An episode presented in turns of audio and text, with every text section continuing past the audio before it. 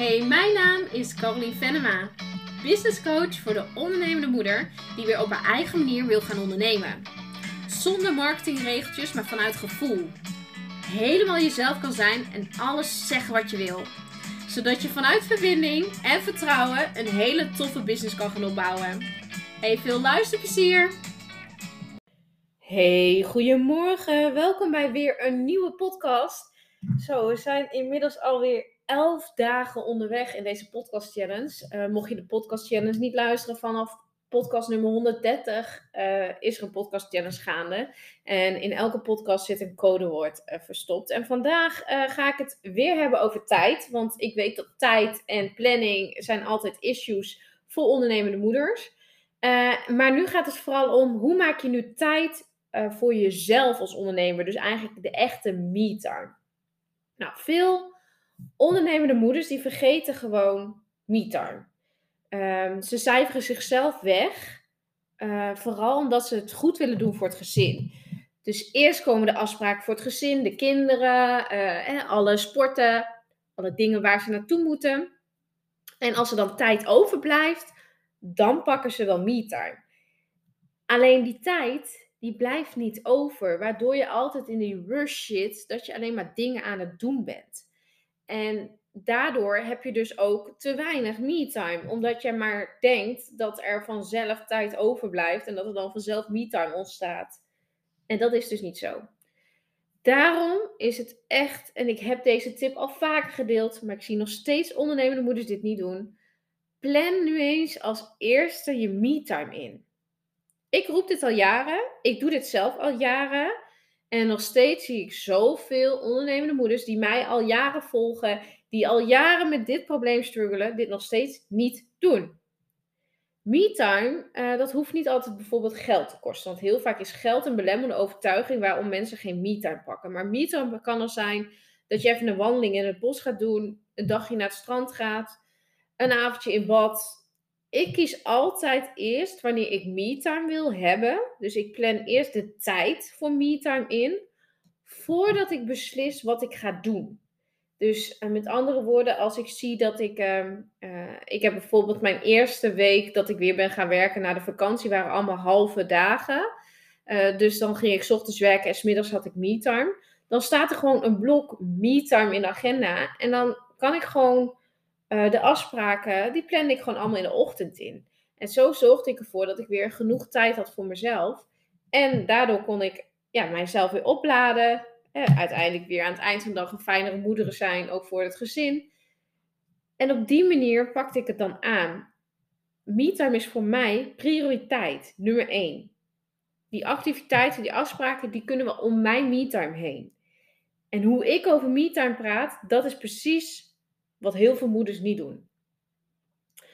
En veel ondernemende moeders gunnen zichzelf gewoon niet, vaak die niet die me-time. Want ja, uh, heel vaak denken mensen ook van oké, nou uh, een keer een dagje wandelen, wat dan ook, hè, strand, prima. Maar als het gaat om me-time dat geld kost, ja, weet je, daar is geen geld voor.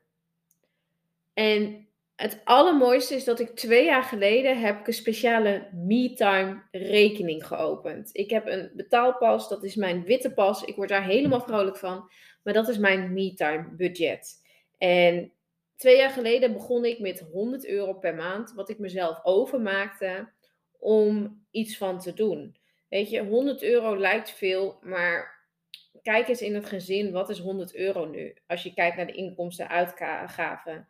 En doordat ik het op een aparte rekening heb laten zetten, uh, ging ik dat bedrag dus ook echt alleen besteden aan bijvoorbeeld uh, een beautybehandeling, dagje sauna, wat dan ook. Maar dat deed ik van dat geld. En inmiddels heb ik natuurlijk meer inkomsten, uh, twee jaar later. Dus inmiddels gaat er ongeveer 500 euro per maand naar mijn MeTime rekening. En gaat het elke maand op? Nee. Uh, maar de ene keer boek ik er ook een hotel van. Dan boek ik er um, een lekkere saunaatje van. Een massage. Uh, waar ik gewoon zin in heb.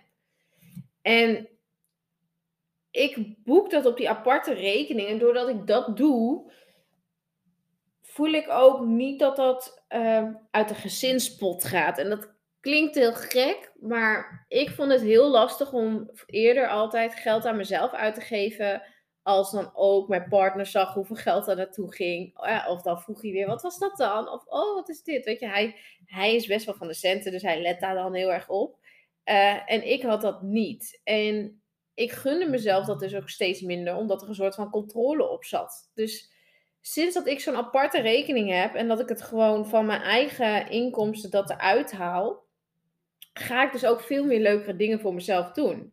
En gun ik mezelf ook veel makkelijker die me-time, omdat ik weet dat het gewoon mijn eigen rekening is. En toen ik mijn man dat uitlegde, toen zei hij ook van ja, weet je, tuurlijk, als jij 100 euro, 200 euro of hoeveel euro ook aan jezelf wil besteden, dat is van jou. Dat heb je zelf verdiend, dat moet je zelf weten. En um, ja, inmiddels is dat dus ongeveer 500 euro in de maand. Uh, en hij vindt het prima. Uh, en hij heeft er ook verder helemaal niks over te zeggen, want het is gewoon mijn eigen geld. Dat de tweede trouwens.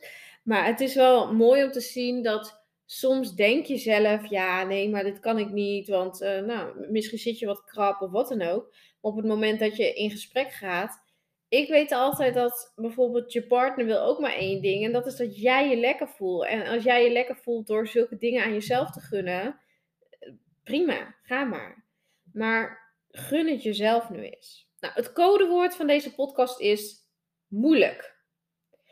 Hoeveel me-time heb ik dan? Want dat is ook wel een mooie. Nou, mijn kernafspraak met mezelf is altijd dat ik minimaal, en ik zeg minimaal, één uur per dag me-time heb. En denk je, één uur?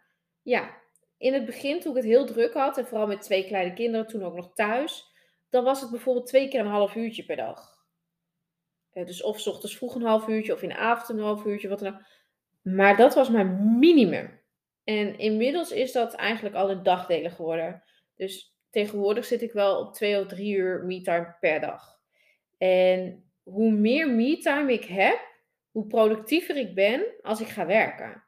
Uh, omdat ik weet, zoals ochtends, dan weet ik, oké, als ik nu even ga knallen, dan heb ik daarna bijvoorbeeld een hele middag voor mezelf. En daardoor uh, voel ik mij gewoon ook heel opgeladen en fit en zit ik gewoon lekker in mijn vel. Ik plan ook, dus ook een hele mooie, ik plan voor elke maand minimaal één hele dag me-time in. En ik heb nu al voor de maanden oktober, november en december, weet ik al precies welke dag mijn eigen me-time dag is.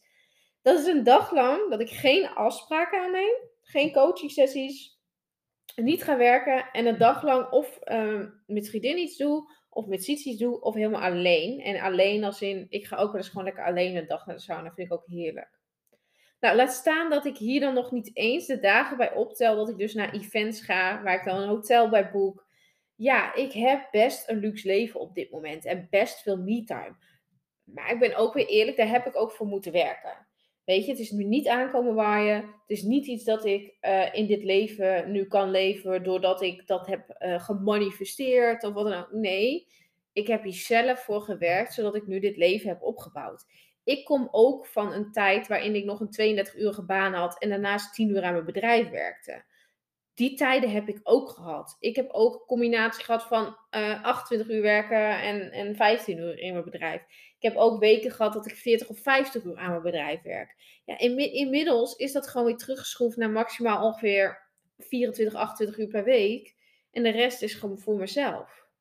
En doordat ik dus zo die prioriteit op me-time heb gezet.